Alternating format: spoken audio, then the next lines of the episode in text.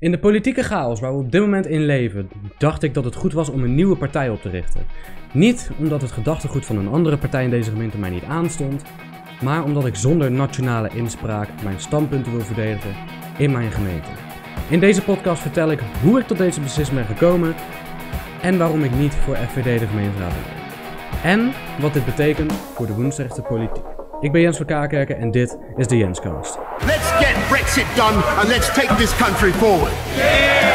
Een internationaal recht bestaat niet. Dat bestaat allemaal niet. Het is allemaal in jullie hoofd. Dat, dat is niet echt. Don't be rude. No, I'm not going to give you a question. I'm not going to give you a question.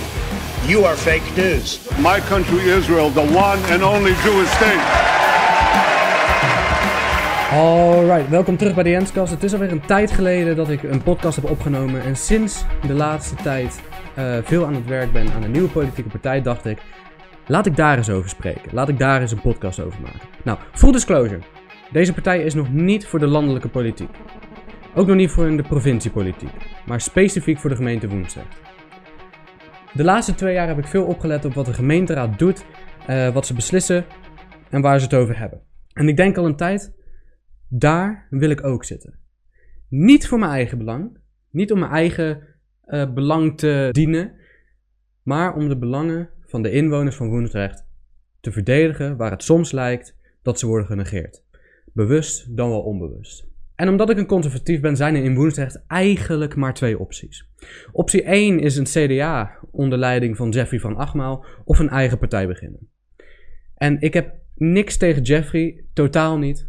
Het is een, een, goede, goede gast, een goede wethouder.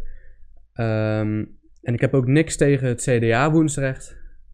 Maar het CDA is geen club waarvan ik deel kan uitmaken. Dus de keuze was daarom best snel gemaakt. Daarnaast zie ik er niet zo heel veel voor om voor een landelijk actieve partij in de gemeenteraad te gaan. Mijn mening is juist dat de gemeenteraad enkel moet luisteren naar de inwoners van de eigen gemeente en niet naar landelijke partijleiders die geen enkel besef hebben voor wat er in de gemeente gebeurt, welke uh, onderwerpen er in de gemeente spelen en waar de gemeente zich mee bezig moet houden. Dit heeft ervoor gezorgd dat ik heb besloten de conservatieve partij op te richten. Met dit initiatief ben ik al ongeveer een half jaar bezig en in april hebben we onze Twitter en Instagram kanalen in gebruik genomen. En net als andere startende partijen, alle andere startende partijen beginnen met niets. Wij hebben geen of weinig budget voor campagne. We moeten de partij zelfs nog officieel oprichten.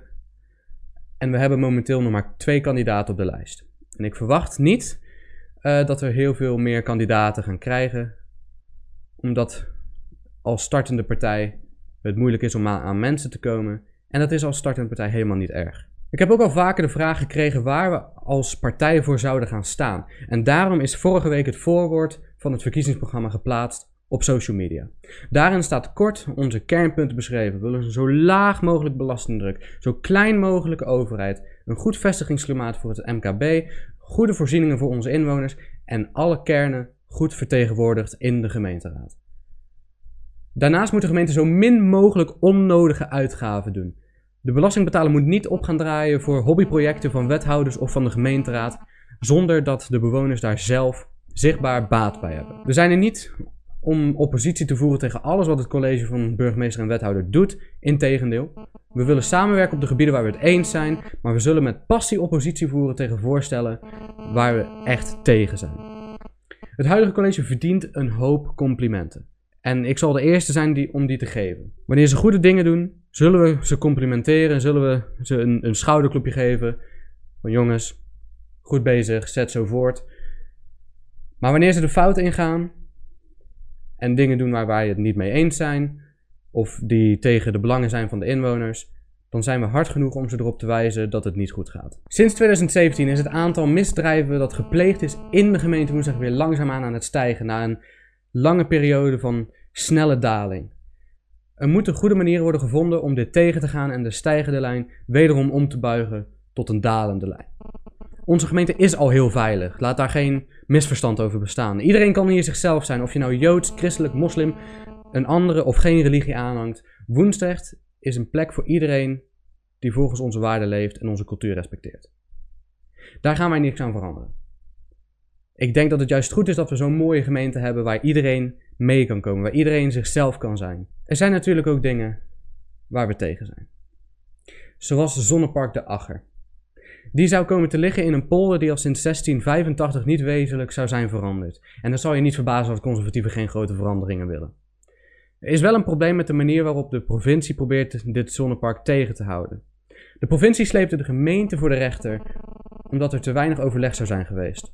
En dat vinden wij niet juist. Nog los van het zonnepark zelf. De gemeente moet dit soort beslissingen kunnen nemen zonder dat de provincie er als een soort overschaduwende macht boven gaat hangen en probeert tegen te houden. We vinden wel dat, eh, dat de mening van de burger doorslaggevend moet zijn in dit soort projecten. Daarom zouden wij graag gemeentelijke referenda willen zien voor dit soort dingen. Dus wanneer de gemeente een zonnepark, windpark of andere ingrijpende dingen wilt realiseren, moet er de mogelijkheid zijn om een referendum te houden als daar voldoende animo voor is. Er staat ook een windpark gepland, Zebra, Zeeland-Brabant. Er waren vijf windturbines op woensdagse bodem gepland, waarvan er al drie zijn afgewezen, waarvan er al drie zijn verdwenen. En dat is een goede zaak, maar er blijven er echter nog twee over, waarvan één heel dicht bij Ossendrecht. Als WT17 daar wordt geplaatst, zal dat een enorme overlast veroorzaken voor Ossendrecht, die al overlast te verduren heeft vanwege de havenindustrie en andere windturbines die verder weg in de polder liggen. Wij willen dat WT17 wordt geschrapt. Volledig. Ik zei al eerder dat het college complimenten verdient. Laat me er een geven. Het college heeft de uitgaven in 2020 tijdens corona onder de controle weten te houden. Er is zelfs een overschot van ongeveer anderhalf miljoen, 1,4 miljoen. Het was en is geen makkelijke tijd om de begroting onder controle te houden.